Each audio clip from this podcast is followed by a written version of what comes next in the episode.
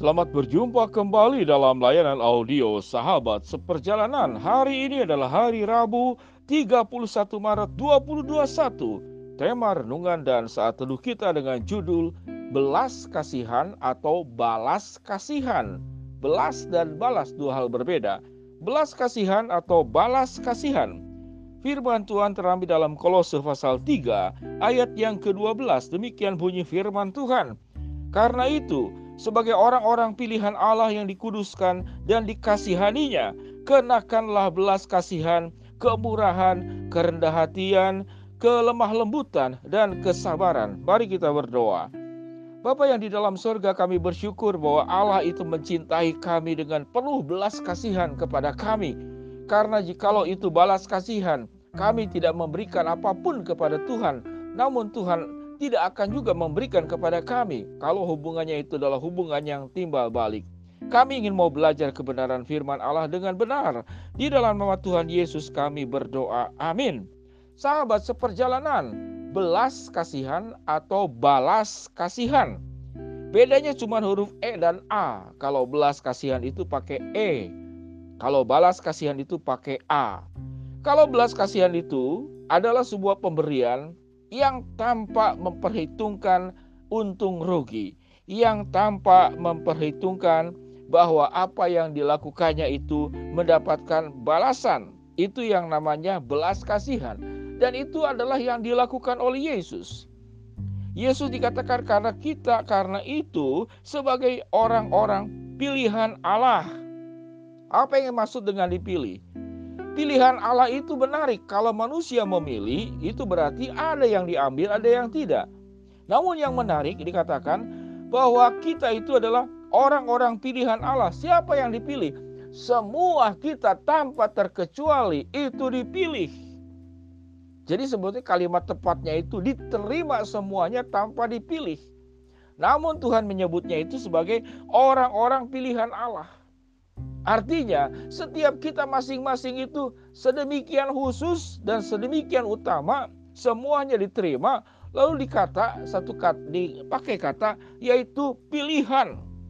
Setiap kita itu diterima dan yang cukup menarik, Tuhan membuat sebuah kalimat kata yang namanya itu pilihan. Kalau pilihan itu berarti engkau itu begitu spesial, engkau itu begitu luar biasa di mata Tuhan sebagai objek yang dicintai dan dikasihinya Lalu dikatakan tidak hanya dipilih, engkau juga dikuduskan. Engkau dibebaskan dari dosa dan juga dikasihaninya. Jadi artinya Allah sudah melakukan sebuah tindakan belas kasihan kepada dirimu. Kalau gambaran di dalam Alkitab kita itu seperti orang kusta. Dalam Markus 1:41 dikatakan, maka tergeraklah hatinya hati Yesus oleh belas kasihan Lalu ia mengulurkan tangannya menjamah orang kusta itu dan berkata kepadanya, "Aku mau jadilah engkau tahir."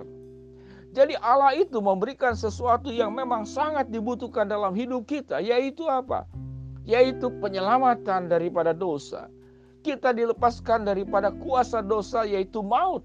Dan kita sebentar lagi, dua hari lagi akan menerima perjamuan kudus Jumat Agung di mana dalam rangka Tuhan itu memilih engkau, di dalam rangka Tuhan itu menguduskan engkau, di dalam rangka Tuhan itu mengasihi engkau, maka Tuhan sendiri yang memberikan hidupnya untuk kita.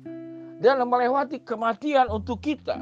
Dan memberikan jaminan yang pasti harapan yang jelas melalui kebangkitannya. Sahabat seperjalanan yang dikasih Tuhan. Setiap hari kita sesungguhnya itu menerima belas kasihan Tuhan. Dari nafas yang kita hirup, kaki yang bisa, bisa masih bisa berjalan, mulut yang masih bisa bicara seperti saya. Waktu saya membuat renungan sahabat seperjalanan berarti berbicara lewat mulut. Karena belas kasihan Allah lah, maka mulut saya bisa berbicara. Karena belas kasihan Allah lah, mata kita masih bisa melihat. Karena belas kasihan Allah lah, telinga kita masih bisa mendengar. Karena belas kasihan Allah lah, maka kaki kita masih bisa berjalan. Karena belas kasihan Allah lah, organ-organ yang ada di dalam tubuh kita itu masih berfungsi. Itu karena belas kasihan, sementara kita tidak memberikan apa pun kepada Tuhan. Sedemikian luar biasa. Apa yang dikatakan dengan balas kasihan? Balas kasihan adalah sifat manusia. Sifat manusia yaitu dalam rangka hubungan timbal balik, hubungan hutang budi, hubungan yang artinya itu kalau engkau berbuat baik maka dia akan balas kasihan. Kasihan yang pernah diberikan orang lain kepadamu, engkau merasa tidak enak, maka engkau juga mengembalikan, melakukan hal yang sama. Karena orang tersebut pernah melakukannya juga kepada kita. Yang cukup menarik ada beberapa keluarga-keluarga atau kebiasaan budaya tertentu. Kalau misalkan anak kita menikah, lalu ada angpau, ada uang yang diberikan oleh orang yang kita undang. Biasanya para orang tua zaman dulu itu mencatat berapa yang diberikan oleh orang tersebut sewaktu anak kita menikah dan sewaktu kemudian anak orang tersebut menikah, kita akan mengembalikan uang yang katakanlah pernah diberikan. Dan itu cukup menarik juga di negara Singapura waktu saya pelayanan ke sana. Jadi kalau anak-anak muda itu menikah, mereka itu mencatat semacam arisan. Hari ini kamu menikah, maka kemudian teman-temannya itu mengumpulkan uang untuk tanda kutip menikahkan dia.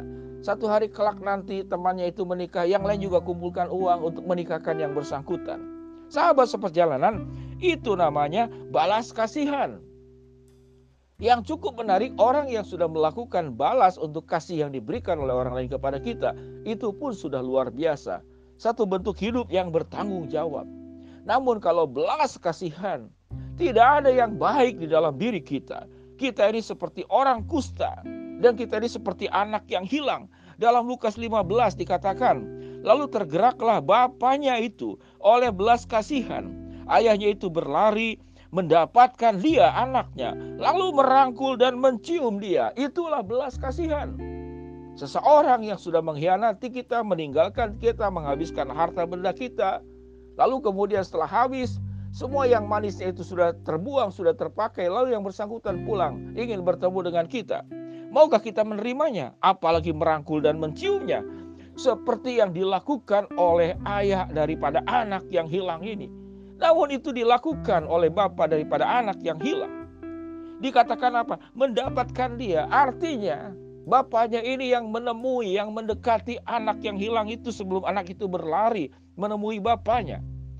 Dikatakan mendapatkan dia lalu merangkul dan mencium dia. Apa arti makna merangkul dan mencium dia? Itu adalah maknanya sebuah penerimaan yang tanpa batas, penerimaan yang tanpa syarat penerimaan yang tulus, penerimaan yang murni, penerimaan dengan totalitas tanpa sedikit keraguan untuk tetap mencintai anak yang hilang ini. Kalau kita melihat bagaimana baiknya Allah di dalam mencintai kita, mengasihi kita, memelihara kita, merawat kita, menjanjikan penyertaannya, dan berkata, "Aku sekali-kali tidak akan meninggalkan engkau, dan aku sekali-kali tidak akan membiarkan engkau." Mengapa Tuhan melakukan semuanya itu? Karena Tuhan itu memberi punya hati belas kasihan kepada dirimu.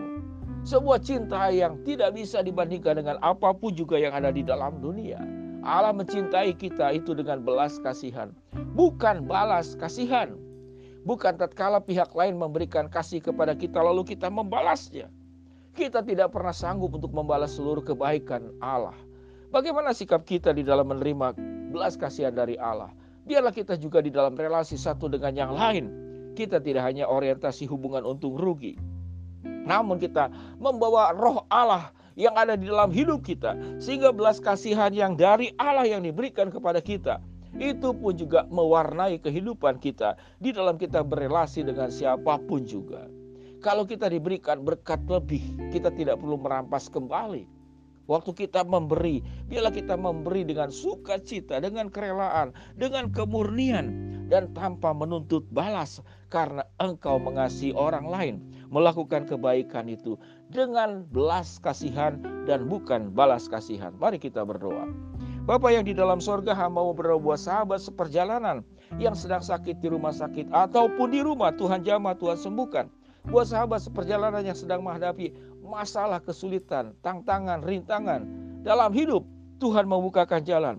Buat sahabat seperjalanan yang sedang memohon dan berharap sesuatu, Tuhan mengabulkan sesuai dengan waktu, rencana, dan kehendakmu. Di dalam nama Tuhan Yesus kami berdoa. Amin.